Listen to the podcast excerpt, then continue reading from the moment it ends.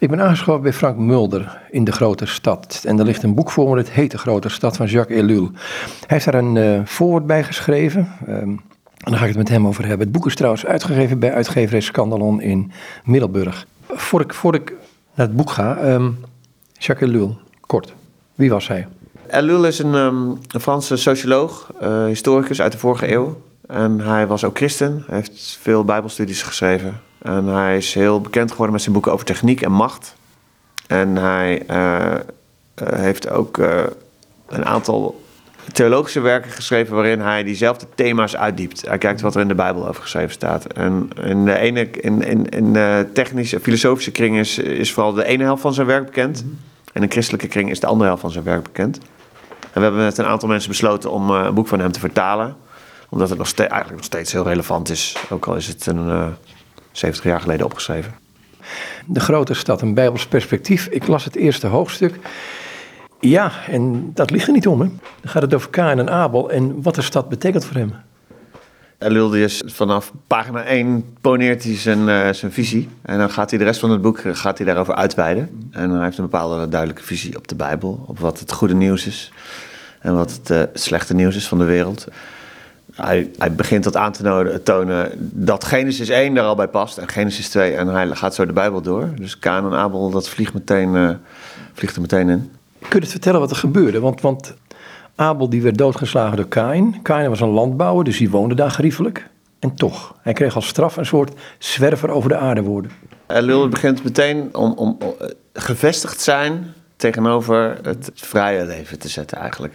Kain die krijgt als straf dat hij moet gaan zwerven. En wat ik dan interessant vind is, wat doet hij dan als antwoord op die straf? God zegt, ik ga jou beschermen, wees niet bang, maar hij bouwt een stad. En Ulul zegt, dat is het begin van de stad in de menselijke geschiedenis. De stad is het antwoord op dat wij niet op God vertrouwen. Hij noemt het rebellie tegen God. Ja, dus hij ziet meteen al vanaf uh, pagina 1 dat, dat de mens rebelleert tegen God. De mens durft niet op God te vertrouwen. Het begint al bij Adam, maar uh, KN doet dat met een stad. Met cultuur, met vooruitgang, met veiligheid, vesting, muren, economie. Hoe werkt hij het uit in het boek? Hij zoekt eigenlijk elke tekst op waar het woord stad in voorkomt. En hij zegt dat, dat er, hij ontdekt eigenlijk een bepaalde taal over de stad die de Bijbelschrijvers hadden. Hij zegt dat is misschien niet eens de kern van de Bijbel.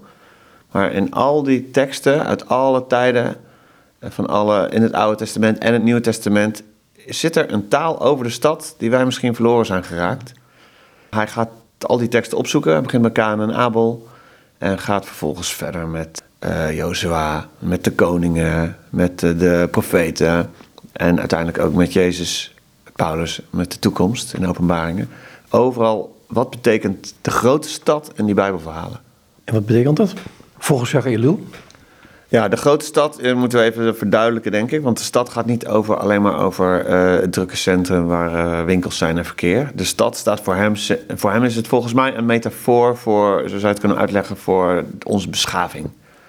Onze stedelijke beschaving, de orde die wij opleggen aan de wereld, waar wij op vertrouwen. Wij geloven dat daar vooruitgang is, dat dat steeds beter wordt. Wij kunnen steeds beter dingen organiseren steeds beter dingen regelen. Maar uiteindelijk is dat valse schijn, valse zekerheid.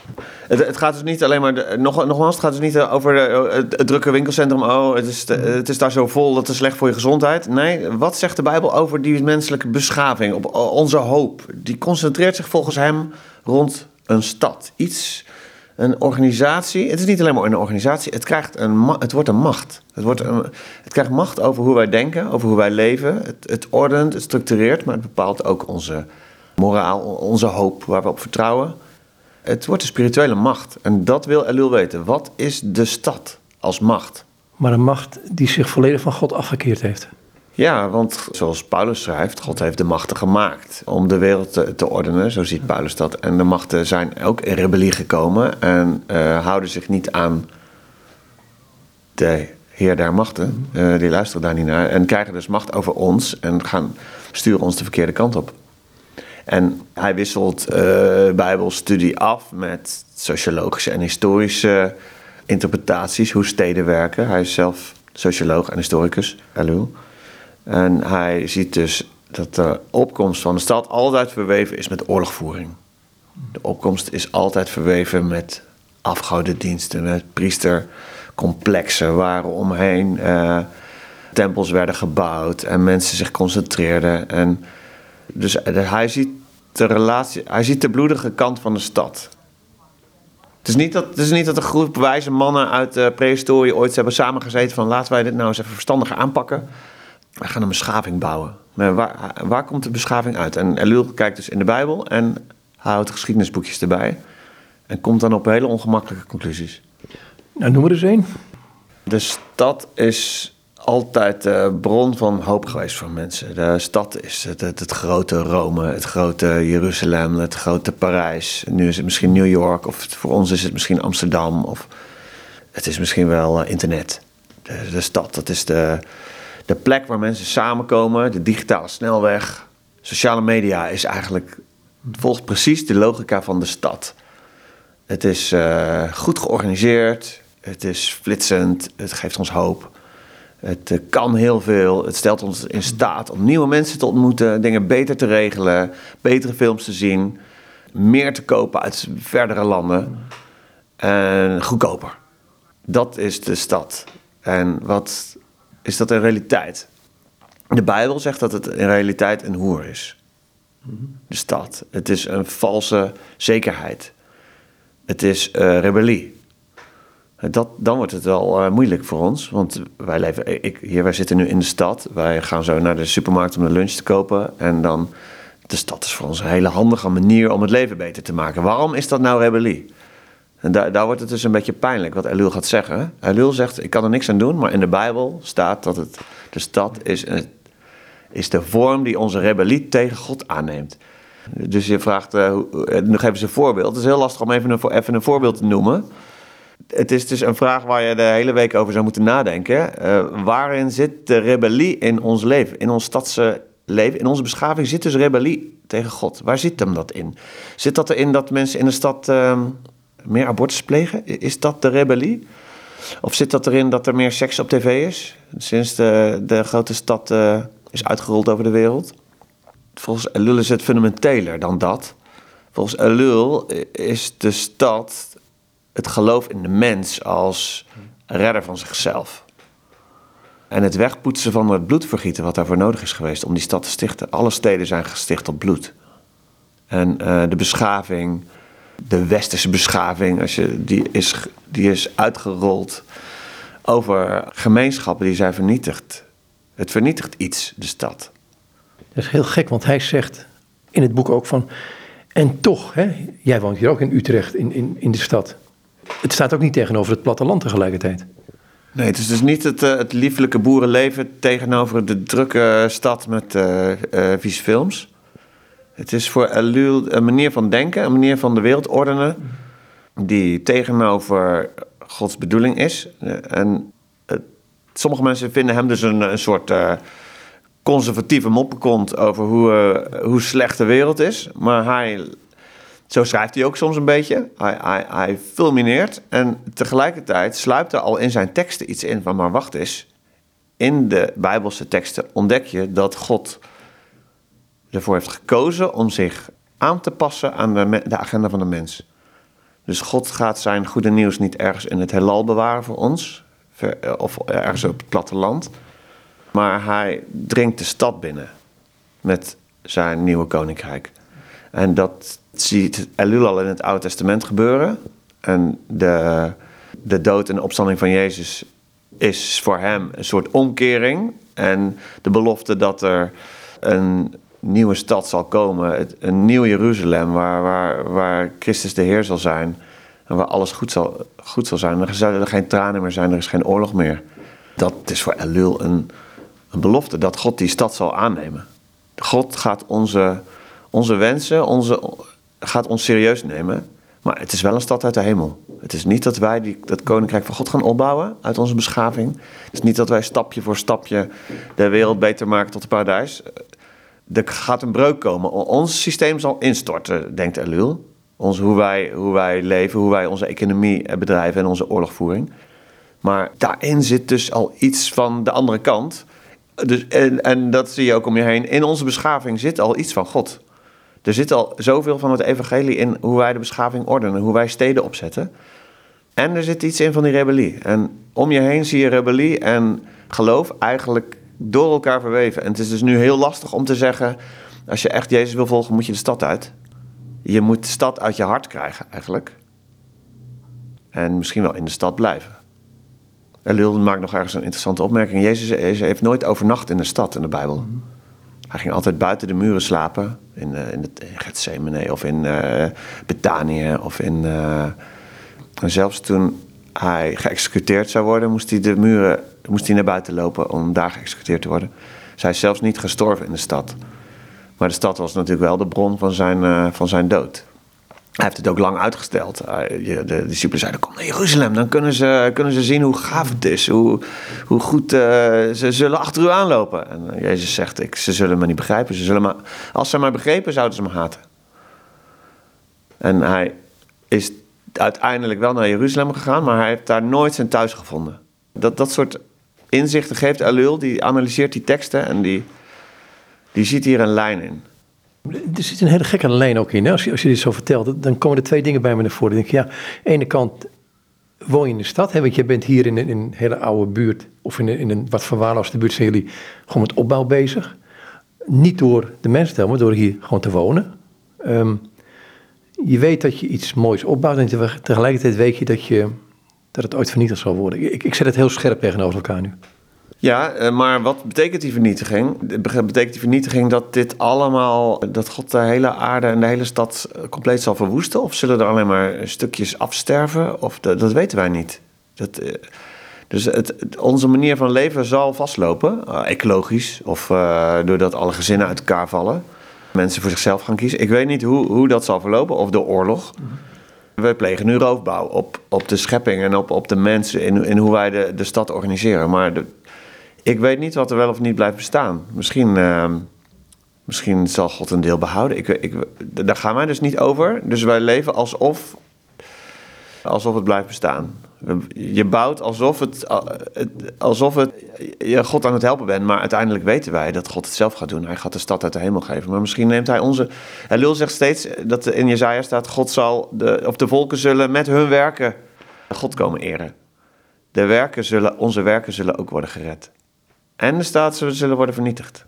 Dus het is altijd dat dubbele. En Elul zegt, je kan niet in een theorie al die tegenstellingen in de Bijbel verzoenen en dan denken dat je het snapt. Er zit een spanning in de Bijbel.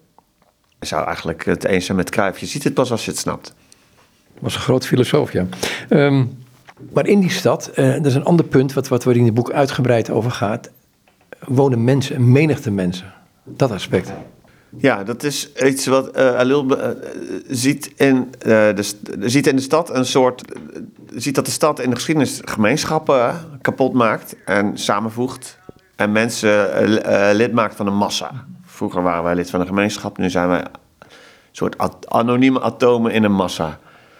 En dat is iets wat in de Evangelie ook al staat: dat de, Jezus de massa, de menigte toespreekt. En alleen al door de manier hoe hij ze aanspreekt, haalt hij ze eruit. Hij wordt verdrietig als hij ziet hoe de menigte ronddolt als een soort kudde. En dan spreekt hij mensen aan. Dus hij, hij heeft geen grootse politieke boodschap voor menigtes, maar hij haalt mensen uit de menigte. Hij zei van, um, hij, kijkt, hij kijkt vol ontferming naar de menigte, ja. nooit oordelend. En dan zegt Jacques Lul zegt op een gegeven moment in, in, in zijn boek, um, um, op het moment dat de menigte bij Jezus komt, dat is genoeg, want meer is er niet. Dat, dat is waar het om gaat. Gewoon die ontmoeting met Jezus. Voor de rest, meer, hij geeft ook niet meer. Nee, en dus de ontmoeting en het in de ogen kijken van elkaar als, uh, als mens. Ook, Jezus doet nog meer. Hij, hij geeft ook altijd een verantwoordelijkheid aan mensen. Mensen moeten altijd kiezen. Wat moet ik doen? En dan zegt Jezus iets. En je moet er, al, je moet er altijd iets mee. Zelfs uh, een veroordeling van Jezus is, is heel persoonlijk. Want je bent ineens niet meer lid van een groep. Maar je bent een mens en jij kan kiezen. En dat zegt Alil in zijn leven, misschien niet zo sterk in dit boek, maar zijn, zijn hele, in al zijn boeken komt terug dat onze beschaving, onze manier van het technisch ordenen van de wereld, ons, ons technisch-economische systeem, zeg maar, maakt ons onvrij omdat het ons de mogelijkheid ontneemt om te kiezen, om een moreel oordeel te vellen. Wij mogen niet iets zeggen over Facebook. eh, je- als je dat een keer zegt in, eh, eh, bij jongeren bijvoorbeeld, noem- zeggen ze iets negatiefs over de telefoon. Het, het, ze zijn allemaal ge, gepikeerd, het, eh, want dat is iets heil, er zit een heiligheid aan. En Elul laat zien dat ons geloof in de, de stedelijke technische beschaving zorgt ervoor dat wij ni- niet meer over kunnen oordelen. Wij, zijn, wij zitten, wij zijn, ergens is iets uitgeschakeld in ons hoofd. Wij worden onvrij. We zeggen, ja, zo gaat het nu eenmaal. Je kan toch niet zonder je telefoon, want iedereen gaat toch. Je kan... En dat is nou precies het probleem, zegt Alul. De stad, de techniek maakt ons onvrij. En als Jezus ergens komt, dan of met een oordeel, of met een bemoediging, of met een genezing. Hij maakt ons een vrij individu wat weer kan kiezen. Om mij wel of niet te volgen. Het voorgaande wat je zei net, eh, dat heeft dacht ik, in een ander boek. ehm, Thomas Merton die refereert eraan. Dat, dan zegt hij, ja, het is, het is, we zijn eigenlijk slachtoffer van propaganda aan het worden. En er worden ons zoveel dingen gezegd en we krijgen de illusie dat we iets kunnen kiezen wat niet zo is. Lul heeft in zijn eh, boek over propaganda ook laten zien dat, dat, dat er zoveel beelden over ons worden uitgestort. Beelden die zich presenteren als de realiteit. Dat we eigenlijk door die beelden niet meer kunnen, kritisch kunnen denken. Eh, hoe meer beelden je hebt gezien, hoe meer journaal je kijkt, hoe moeilijker het is om te weten wat wel en niet propaganda is. Eh, maar tegelijkertijd laat hij zien dat het geen. eh, eh, hij gelooft niet in complotten van een, een, een kleine elite die ons eh, de waarheid over vaccins wil onthouden. Of eh, eh, een complot van een elite die, eh, die linkse waarden wil opleggen. Of het homohuwelijk of zo. Daar gelooft hij helemaal niet in. Hij zegt dat propaganda is een, komt voort uit een heel systeem van hoe wij de wereld hebben georganiseerd. Dat systeem moet blijven draaien. Dus het hele overheidsapparaat, de hele belastingdienst, de NAVO, de Europese Unie, de media. Alle krachten in onze samenleving zijn erop gericht om ons mee te krijgen. En om de scherpe kantjes eraf te halen, om het te laten doorgaan. Zo werkt propaganda. Dus, en dit, dat zit dus ook verweven zelfs in hele christelijke kringen. Een voorbeeld, dat de economie altijd moet blijven groeien. Want als de economie niet groeit, dan, eh, stort onze beschaving in. Dat is propaganda dat wij bang moeten zijn dat Rusland meer kernkoppen. We hebben de laatste tijd niet zoveel meer over kernkoppen, omdat wij voorlopen. Maar Rusland mag niet meer kernkoppen hebben dan wij, nog steeds. Als zij dat doen, moeten wij ze inhalen. Dat is propaganda. En die propaganda die zit helemaal verweven in het hele systeem. Er is niet één partijtje wat, dat, eh, wat ons zover wil krijgen. Maar dit zijn mechanismes die tot de dood leiden. Want uiteindelijk plegen we met al die mechanismes roofbouw op, ja, op hoe God de wereld heeft gemaakt. Ik weet ooit een Keniaan, ik geef een dwarsstaat in, die zei me ooit van, ooit, niet zo heel lang geleden, van als ik in Europa kom, lijkt het wel of jullie de, de natuur, heeft hij dan over, gekolonialiseerd hebben. Ja, de stad, zo noemt Elul dat hier in dit boek, de, grote stad is de grote kolonisator. Die, eh, die eh, onderwerpt alles. Wij onderwerpen alles aan onze heerschappij. En wij denken dat we als God zijn. En we hebben dus, zijn nu dus bezig de natuur te koloniseren. En de volgende stap is de menselijke geest. Onze techniek om een brein te beïnvloeden, of om intelligentie te kopiëren, of om genen te, te puzzelen met genen. Wij koloniseren alles. En daar is dus altijd ook weer dat het, het goede, de goede intenties zijn verweven met het systeem, de machine, subsidiestromen, winstverwachtingen, die, het, die eigenlijk heel egoïstisch en zelfzuchtig zijn. En dat uiteindelijk zullen weer zullen koloniseren en, en uh, erop zullen parasiteren. Hij noemt in zijn. Uh, nee, laat ik eerst naar wat anders gaan. Die Jacques Ellul. Uh, misschien moet ik eerst eens vragen, na dit hele lange intro. wie was hij eigenlijk? Ja, dat is een goede vraag, want uh, hij wordt vaak verkeerd begrepen. Ik denk ook dat uh, als je. We hebben net uh, over een aantal onderwerpen gepraat. Heb, heb ik hem al verkeerd, verkeerd begrepen? Nee hoor, nee, maar. De, de, we hebben, ja, het kan. We hebben al hele grote woorden genoemd. En ik heb het over parasiteren en koloniseren. En dan kan je dus de indruk krijgen dat hij een enorme. Een soort reactionaire kracht is die terug wil naar hoe het vroeger was. De rechtse balletjes van een bepaalde partij, zal ik maar zeggen. Ja, daar zou je hem, uh, ja, dat, zo zou je hem kunnen, verkeerd kunnen verstaan. En uh, hij heeft eigenlijk. Het, het, is interessant om even te vertellen wat voor verschillende kanten hij heeft. Want hij, hij heeft heel veel dingen gedaan in zijn leven. Hij, hij, heeft, hij plukt uit veel bronnen. Ik denk dat het belangrijk is om die verschillende bronnen te blijven zien. Dan zie je dat hij eigenlijk een hele. Volgens uh, een heel blijmoedig, actief, geëngageerd persoon was. Hij leefde in de 20e eeuw, hij is overleden in 1994. En hij heeft vooral in Bordeaux, in de buurt van Bordeaux gewoond. Hij was daar, hij begon als rechtshistoricus en heeft zich opgewerkt tot socioloog en theoloog. En hij heeft een heel actief leven geleid. Hij was in de jaren 30 al als echt een activist. Hij voerde actie tegen de, de grote massa-ideologieën van zijn tijd. Hij was een tegenstander van het communisme en het nazisme in de jaren 30. En hij zag in Frankrijk hoe populair dat was. En hij heeft toen al bedacht met, met vrienden om met jongeren samen uh, kampen te organiseren, de bergen in te trekken en boeken te gaan lezen. En na te denken over wat is jouw positie in deze wereld van grote krachten. Toen kwam de oorlog en toen heeft hij een hele actieve rol in het verzet gehad. En hij is toen ook begonnen met uh, bijbelstudies schrijven. Hij is op, uh, toen hij nog een jongere was of beginnend student, is hij tot geloof gekomen. Hij had helemaal geen, uh, geen christelijke opvoeding gehad. Maar hij was heel erg aangesproken door de, door de manier hoe Karl Barth de, de, de Bijbel las. En hoe de Bijbel laat zien, volgens Barth, en daar lulde ze ook, God staat altijd buiten onze systemen. En roept ons ook uit, uit de systemen. Dus uh, Elul is heel uh, Bartiaans eigenlijk. Dus hele ra radicale grote woorden om het verschil te laten zien tussen uh, hoe de wereld het doet en hoe, hoe, hoe het evangelie het zegt.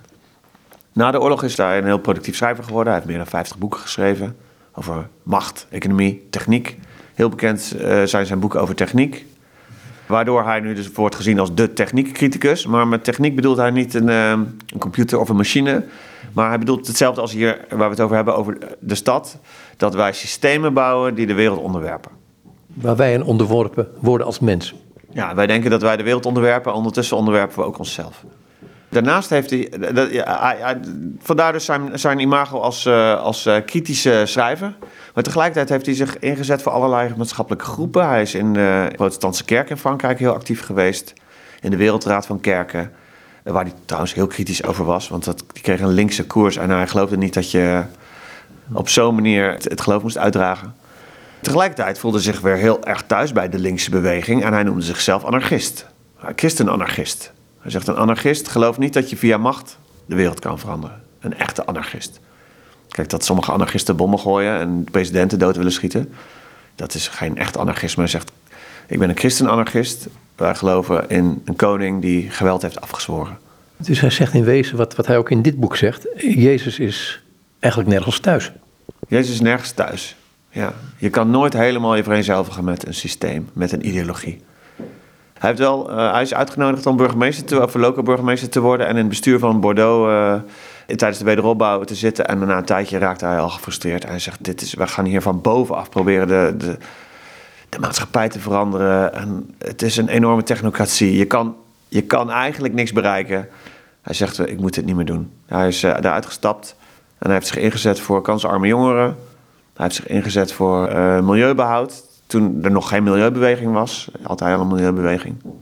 En ook de zo bekende leus uh, Think Global, Act Local. Die kwam uit zijn, uh, zijn groep. Denk mondiaal, handel lokaal. Dat vindt ook zijn weerslag nu, hè, dat mensen toch willen proberen die boer, de producten van de boer dicht naar de stad te brengen. Dus die, direct, die lijn directer te maken in plaats van, tussen al die, in plaats van via al die tussenhandelaren. Ja, hij was, hij was ook bezig met dat soort initiatieven, al in de, in de jaren 50 al.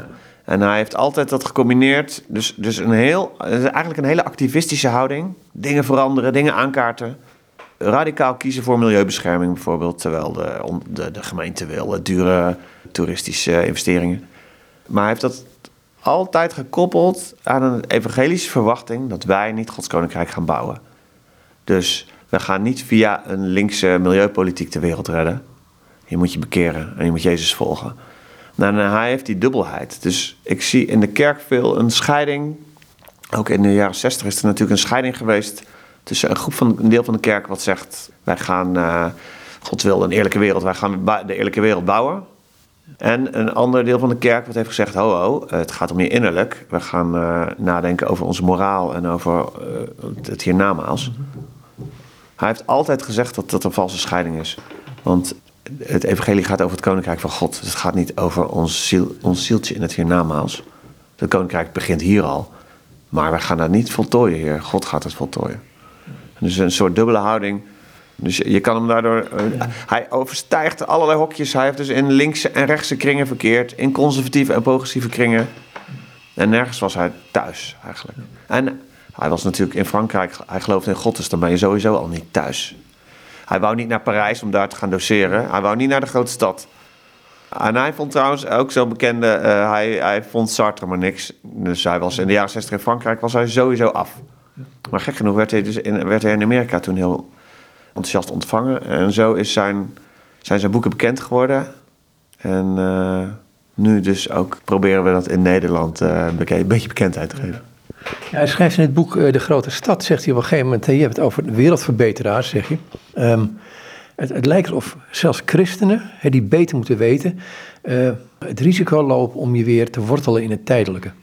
Ja, elke keer denken wij dat we dat, dat ons project, ons plan, ons eh, misschien eh, onze christelijke eh, beleid, de, dat dat zo goed is dat we dat moeten behouden. Ja, dat we dat moeten beschermen, misschien ook tegen indringers of tegen eh, beschermen tegen verval. Maar Elul zou dus altijd met één been daar buiten blijven staan en altijd zeggen: dit is niet het koninkrijk van God, onze, ons mooie project, onze mooie gemeenschap, onze maar dat is heel verleidelijk om dus wat je hebt bereikt, iets goeds wat, wat is gelu- dat om daarin te, je veilig in te voelen. Ja, zelf te zeggen, en ik ga nu een hele gemene weg op eigenlijk, want het is dubbel wat ik nu zeg. God heeft mij gezegend Ja? in die materie, in, in wat ik bereikt heb, gekregen heb, bereikt heb. Het is een beetje dubbel. Ik proef in hem die, die dubbelheid voortdurend van, je, je, je wordt geworteld in het, in het tijdelijke, je, je, je, je zegt zelf, je vindt daar je zekerheid in. Tegelijkertijd is dat niet, maar het loslaten is ook weer een ander verhaal. Eh, tegelijkertijd weet je dat het wel de weg is.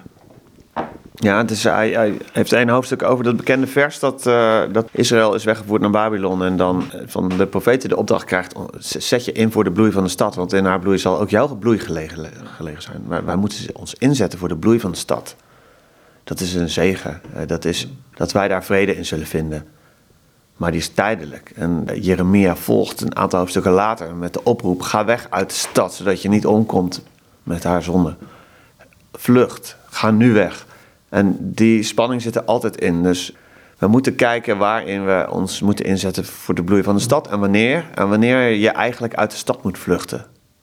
En ermee moet breken. En die spanning werkt hij uit om te, om te laten zien dat, dat je nooit helemaal kan settelen. Het is niet ons thuis. Hoe fijn ons land ook is, wat voor veiligheid en welvaart we ook creëren, het is, we zijn hier te gast. Zijn ballingen. Ja, we zijn ballingen. En dat, dat besef, dat, dat, verge- dat vergeten we eigenlijk.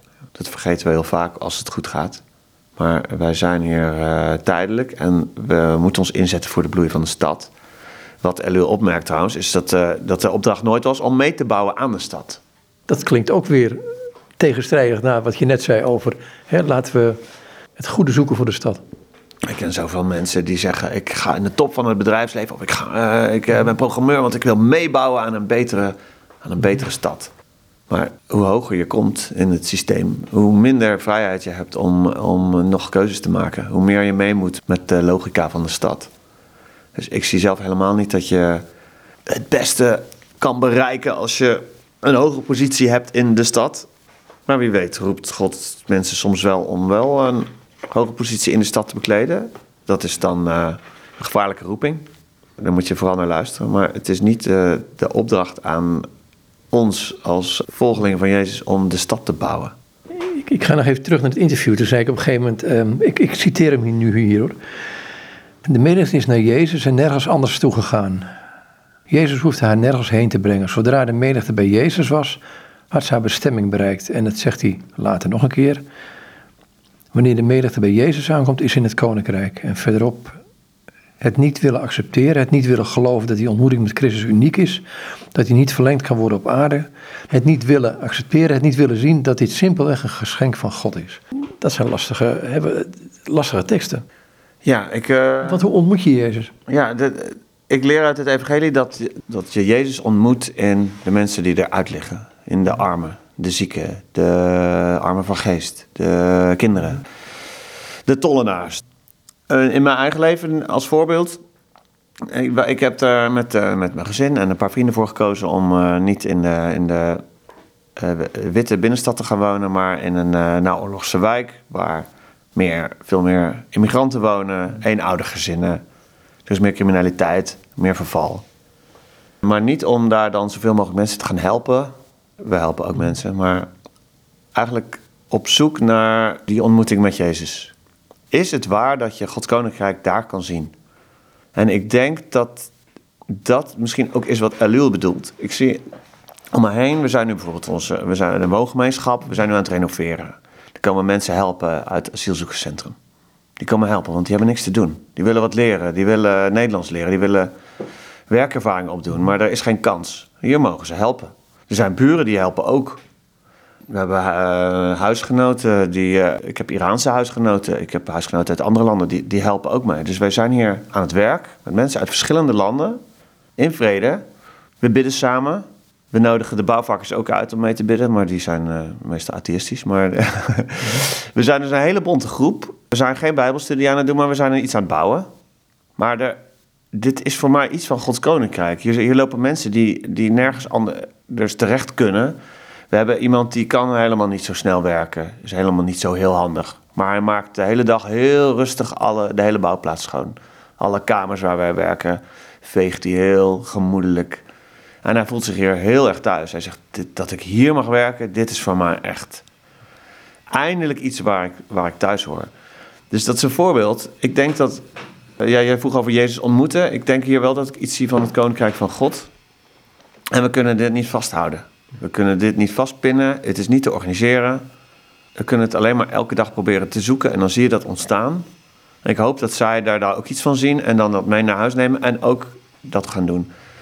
Ja, ik, denk, ik, denk, dat dat heel erg te maken heeft ook met het, uh, de ontmoeting tussen verschillende groepen. En tussen verschillende culturen. Tussen arm en rijk. Want dat is iets wat ik uit uh, brieven van Paulus haal. Dat het evangelie heeft, ons, heeft die muren tussen ons afgebroken daar waar dat gebeurt, waar de muren weg zijn, waar ik een klusje ga doen op aanwijzing van een gekleurd persoon of iemand uit het Midden-Oosten die mij vertelt hoe ik een badkamer moet tegelen, waar dat omkeert, zeg maar, die, uh, daar is iets van het evangelie doorgedrongen.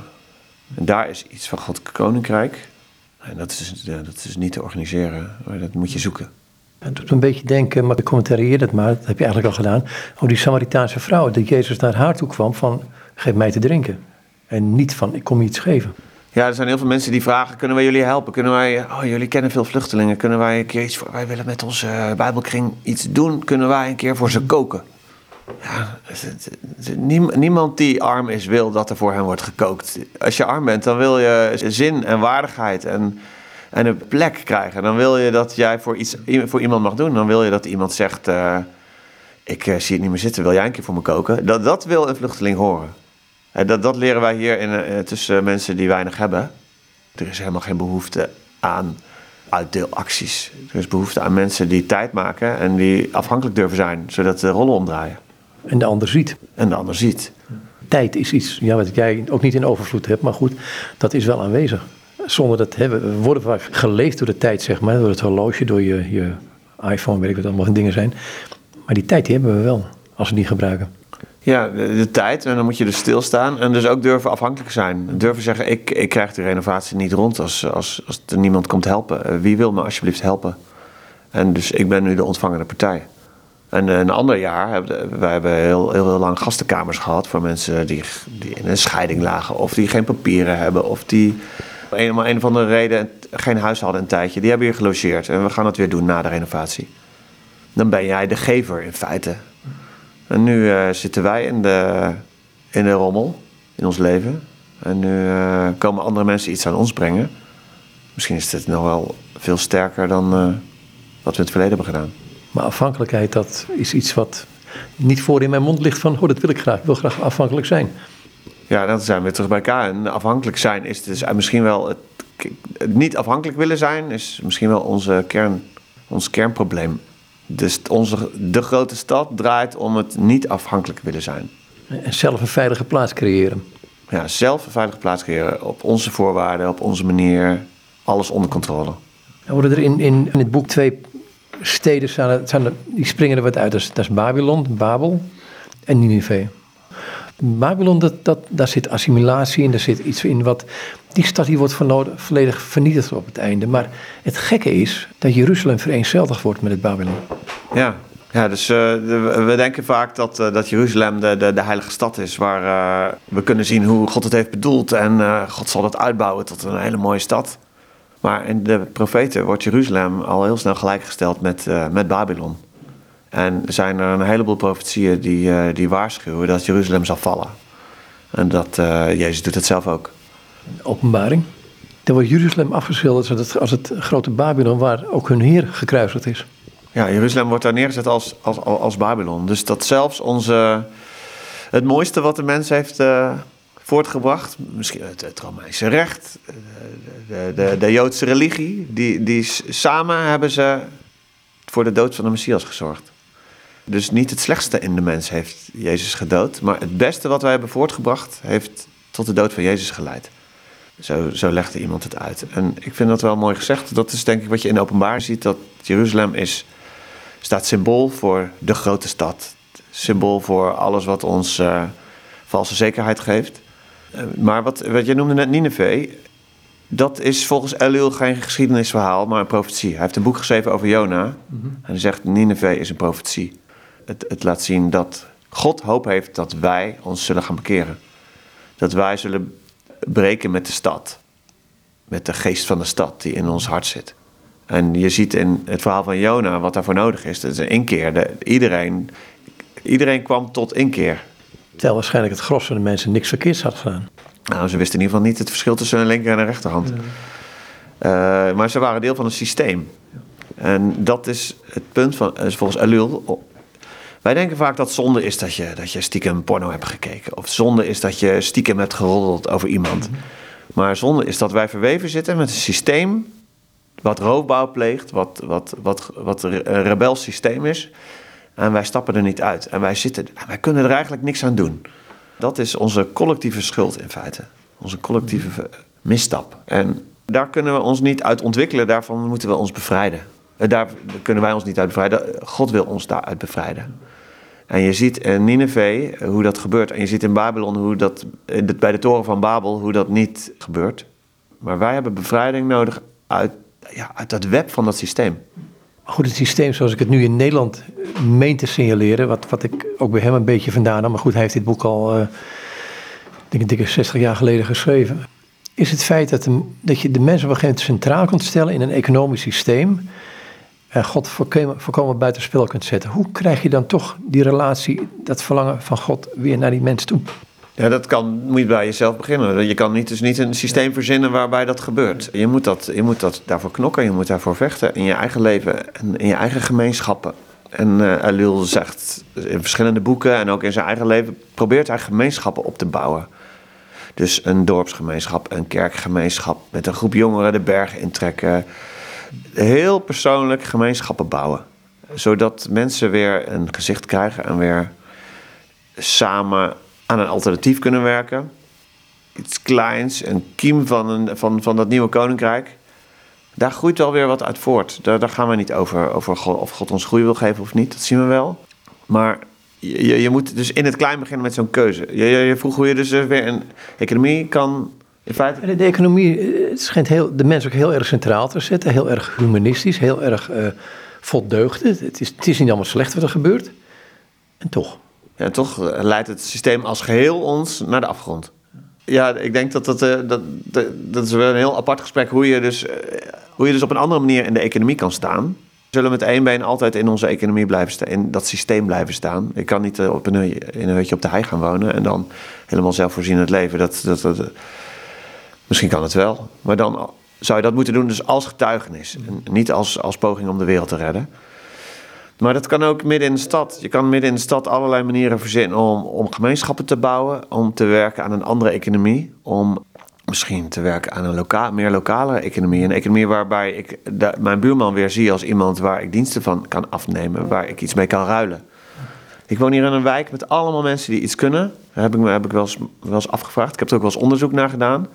Maar die hebben geen, bijna geen economische relaties met elkaar. We gaan allemaal naar een winkel ver weg. Daar kopen we onze spullen. De jongeren hier die geen banen hebben, die kunnen ergens uh, terecht bij een impactcentrum. of bij een McDonald's.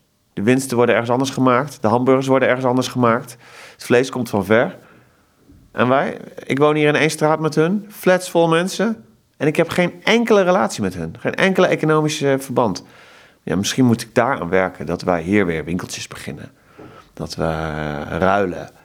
Dat we het MKB'ers helpen om hier een afzetmarkt te krijgen. Zodat je in het klein weer een soort economische gemeenschappen krijgt.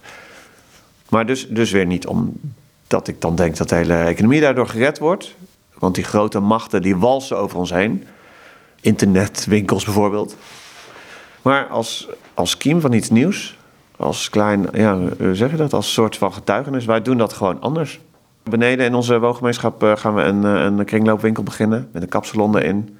Weer een soort buurtwinkeltje proberen we terug te brengen. Ja, misschien is dat het wel. Waar je koffie kan drinken. Maar ook kan ruilen en ook kan handelen. Dat is het adagium in deze wereld, winst maken, groeien. Nou, gewoon lekker niet groeien. Nee, dat is, dat is trouwens een beetje verraderlijk, want het woord groei kan heel mooi zijn. Hè? Dat kan ook. Ja, en een eik groeit ook. Hè? Dat vind ik altijd heel blij dat uit zo'n klein eikeltje een grote eik kan groeien. Ja, Bob Goudswaard heeft mij eens uitgelegd: een eik groeit ook, maar niet tot de hemel. Die groeit een tijdje in de hoogte en dan een tijdje in de breedte. En groeit op allerlei andere manieren. Verdiept zich, vertakt zich, wordt mooier, rijker, ouder, wijzer.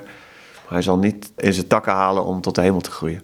Ja, dus groeien is op zich een positief woord. Maar eh, zeg maar, expansie, ja, er is maar één ding wat altijd groeit en dat, dat noemen we kanker. Dat is, is interessant hè, dat Elul dit dus al beschreef in de jaren 50, 60. Die zag dit al. Ook al over economische groei zei hij al, dit is, dit is ten dode opgeschreven. Dit kan niet altijd doorgaan. Ja, want je, je raakt ook aan, aan een ander aspect van mens zijn. Um, steeds meer willen hebben, in wezen het bezit. Ja, maar onze verlangens zijn dynamisch. Wij kijken naar onze omgeving. Wat zij willen, dat willen wij ook. Dus uh, dat is nooit, uh, dat stopt nooit. Die hebzucht, hè? is dat ook datgene waar Jezus zich niet thuis voelt? Terwijl hij toch naar ons toe komt. Maar dan zegt hij, maak je geen zorgen. Maak je geen zorgen over waarmee je zal kleden of wat je zal eten. Zoek eerst het koninkrijk van God en dan, dan krijg je wel wat je nodig hebt. Natuurlijk, de kern van onze economie is, maak je zorgen. Koop deze deodorant, want dan ben je echt aantrekkelijk. Boek nu een reis naar uh, Turkije, want dan uh, heb je echt een leuke vakantie. Onze economie is erop gericht om ons permanent ontevreden te houden. En nu hebben we alles. Ja, nu, nu moeten we telefoons kopen. Ja, een vaccin hebben anders, anders kunnen we niet meer leven natuurlijk. Als je geen vaccin hebt, dan kan je niet leven. Ook onze gezondheid is een economisch goed. Er worden miljarden voor betaald om dat, dat goed binnen te halen, want dan kunnen we weer verder. Is er dan een bepaalde moed voor nodig om toch op God te kunnen vertrouwen? Te willen vertrouwen? Of Zoals je zegt, het koninkrijk van God. Je mag ook uitleggen wat het is. Ja, het koninkrijk van God, dat is, kan je omschrijven als het koningschap van Christus. God heeft Christus aangewezen als onze koning.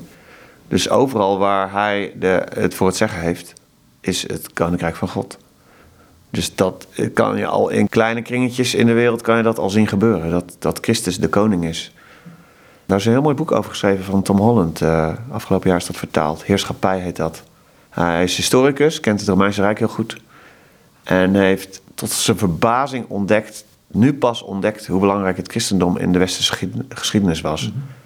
En hij beschrijft heel mooi hoe heel veel van onze normen, waarden, moraal, zelfs in, in progressieve atheïstische kringen, al die mooie waarden, dat waren niet de waarden die de Romeinen hadden. Dat waren waarden en normen die zijn begonnen met het evangelie. Maar hij zegt, dit is, eigenlijk is, is Christus... Het boek heet ook Heerschappij heeft een enorme heerschappij in onze samenleving. Ook al stappen we nu allemaal uit de kerk.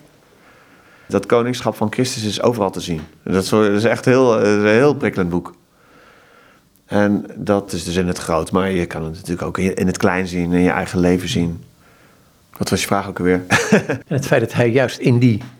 En dat hij juist naar als toekomst, juist in die, in die, die hebzucht van meer willen hebben, meer willen... Ja, een bedrijf moet groeien... Um, en als je ook zien met die farmaceutische industrie, er worden miljarden winst gemaakt. De goede nagesproken nog. Maar dat, dat zijn enorme krachten. En tegelijkertijd komt Jezus toch naar deze mensen toe. Ja, en hij roept ze uit het systeem. Laat alles achter en volg mij. Dus hoe doe je dat? Dat is, dat is heel lastig voor mensen die heel veel hebben. Voor Nederlanders die, die gewoon een inkomen hebben en een huis, is het zo moeilijk om alles achter je te laten. Ik zie bijvoorbeeld in een arme wijk dat er echt behoefte is aan mensen die hier komen wonen. En dat kan niet hier komen wonen, want er zijn hier alleen maar huurhuizen, of een groot deel van dit gebied. Durf je je koophuis op te geven en tussen de armen te gaan wonen? De armen, even, ik vind het een beetje een negatieve term, maar tussen mensen die weinig hebben, tussen mensen die, tussen gezinnen die maar één ouder hebben, veel mensen met psychiatrische problemen, die wonen hier. Het sociale huurgebied is dit. Er zijn zo weinig mensen die durven om hier tussen te gaan wonen, omdat je dan alles moet opgeven wat je hebt opgebouwd. En dat is, dat, dat is, dat is de, het pijnlijke van Jezus volgen. Durf je alles achter te laten en hem te volgen? De stad uit, zegt Paulus, het kamp uit, laten we hem volgen, het kamp uit. Ja, ik hoop dat, dat mensen die, die aan Jezus geloven erover durven na te denken wat het betekent om het kamp te verlaten, achter hem aan. Het centrum uit, misschien wel Facebook uit, of je bedrijf uit. Ja, misschien niet, maar dat, dat, dat, dat, dat moet je dus uitzoeken. Wat betekent het om het kamp te verlaten en Jezus achterna te gaan? Waar gaat het in dit boek heen? Je hebt, hebt er al iets over gezegd. Um, hij begint met enorm uh, de stad niet als, een, als, een, als een, een, geestelijke macht, een stuk rebellie uh, tegenover God. En, en heb ik het niet over de mensen, maar gewoon de stad aan zich. En dan zegt hij toch op een gegeven moment komt God ons tegemoet in die stad. En dan geeft ons een stad. Weliswaar een stad het hemel. Hoe, hoe is dat laatste traject? Want dat is dat is wel een heel mooi stuk. Dat gaat wel dwars de openbaring en oorlog heen en, en allerlei toestanden heen. Maar het is wel het moment dat hij echt kan wonen bij de mensen, denk ik. Lul beschrijft hoe, hoe, hoe dus eigenlijk een geestelijke macht over ons is gekomen waar wij naar luisteren. Iets wat macht heeft over ons. En dat, dat moet van ons afgestript worden. En dat een heel groot deel van de bevrijding in de Bijbel gaat over hoe. gaat over de zonde, over de slechtheid van de mens. Daar moeten wij mee stoppen. Maar er staat ook iets in over de machten. De machten zullen worden gestraft. Als Johannes het heeft in de openbaringen over, uh, over al dat bloed vergieten en alles wat instort en vallende muren. Dan gaat het niet over dat God wraak gaat nemen over ons, op ons, maar de machten zullen vallen. En dat is iets dat willen wij vaak niet benoemen. Of dat, dat is een spannend terrein, theologisch gezien. Omdat je het verleden zijn de verkeerde theorieën over gebouwd. Maar dat beseft, wij moeten ergens uitgehaald worden uit het systeem, maar al onze veiligheid hebben wij te danken aan dat systeem. Dus het is een heel pijnlijk proces voor ons. Misschien is de coronacrisis wel ook een moment om daarover na te denken. Wat gebeurt er als dat systeem stilstaat? Waar zijn wij allemaal van afhankelijk? Maar je zei, dan, dan komt God naar ons toe. Volgens Elul. Elul ziet dan hoe, hoe er dan pas ruimte komt in ons hart om vrij te zijn. Dus dat er dan ook pas ruimte komt in de wereld om een stad aan ons te geven. Als wij vrij zijn van onze afhankelijkheid van die machten, als we vrij zijn van de rebellie en het idee dat wij het zelf kunnen, dan komt er ruimte. En ook voor de dingen die wij kunnen. Ook voor onze werken. Ook voor onze stedenbouw. Want als God echt van ons houdt, als Hij ons echt mag, dan vindt Hij onze werken ook waardevol. Dus daar komt ruimte voor, zegt Elul. Ik heb altijd begrepen van Babylon, zeker de openbaring, dat dat de plek is geweest waar de mens niet meer de mens kan zijn, maar zich moet assimileren aan. Dus voorkomen moet opgaan in. En het, lijkt me, als ik dit goed hoor van jou nu ook, en Jacques Ellul lees, dat datgene is wat God niet wil. Dat jij gewoon Frank kan blijven, ik Joop kan blijven. Ook straks de aanwezigheid van God als we ja, gestorven zijn. Dat je niet opgaat in een grote oceaan, maar je gewoon kunt blijven wie je bent.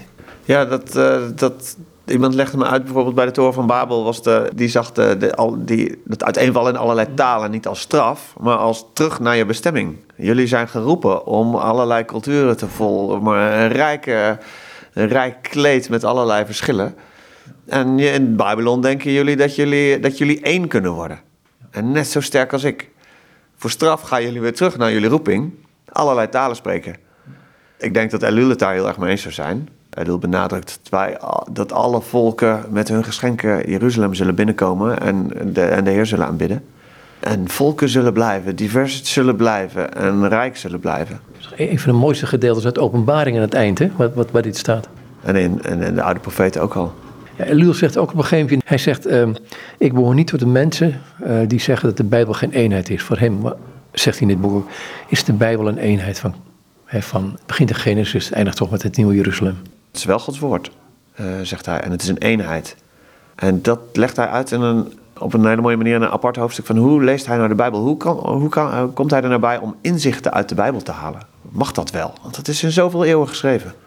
Ik denk dat Elul een brug zou kunnen zijn tussen meer vrijzinnige en meer orthodoxe bijbellezers. Hij heeft dan eigenlijk een derde weg, want hij gelooft dat het Gods woord is. En hij gelooft ook dat het door mensen is opgeschreven.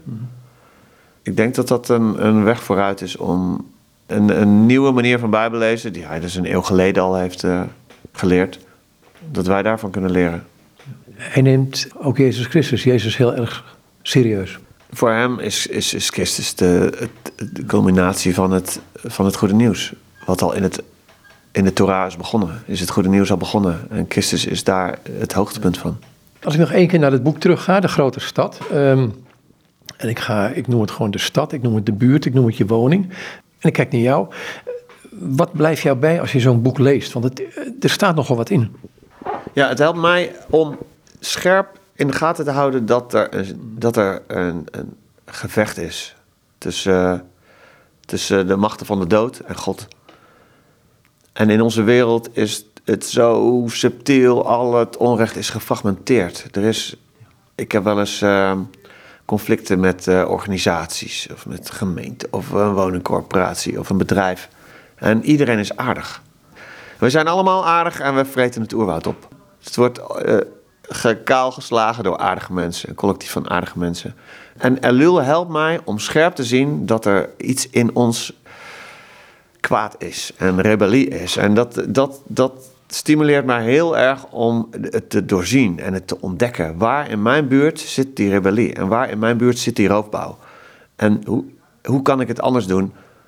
En niet om dan een uh, nieuw koninkrijk van God te bouwen zelf, maar om in het klein dat te zoeken. Want Gods koninkrijk is hier ook al ergens. Dat zit in deze huizen om ons heen, zijn stukjes Gods koninkrijk te vinden.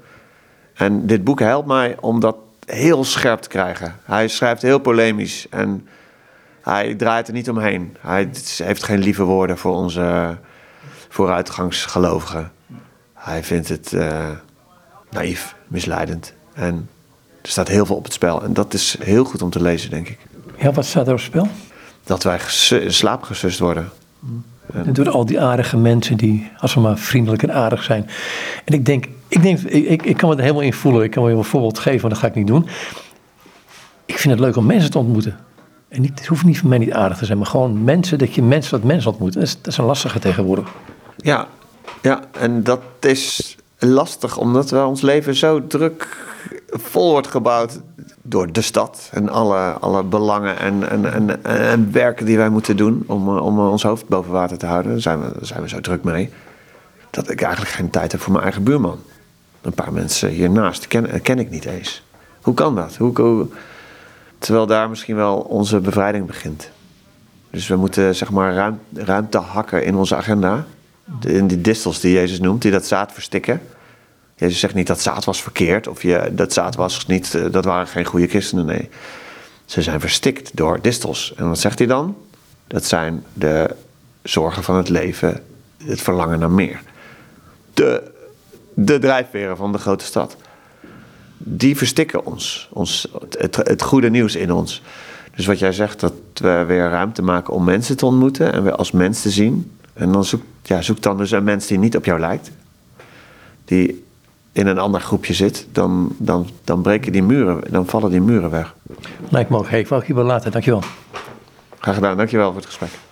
En dit is Frank Mulder. En hij schreef het voorwoord bij het boek De Grote Stad van Jacques Ellul, een Bijbels perspectief. Het boek is uitgegeven bij uitgeverij Scandelon in Middelburg. Het boek is zeer de, het moeite van het lezen waard. Ehm, we hebben een aantal dingen getoucheerd, niet eens alles. U moet het zelf maar lezen. Goed, nogmaals, het is over dit gesprek met Frank Mulder. Hij schreef het voorwoord bij Jacques Ellul's De Grote Stad.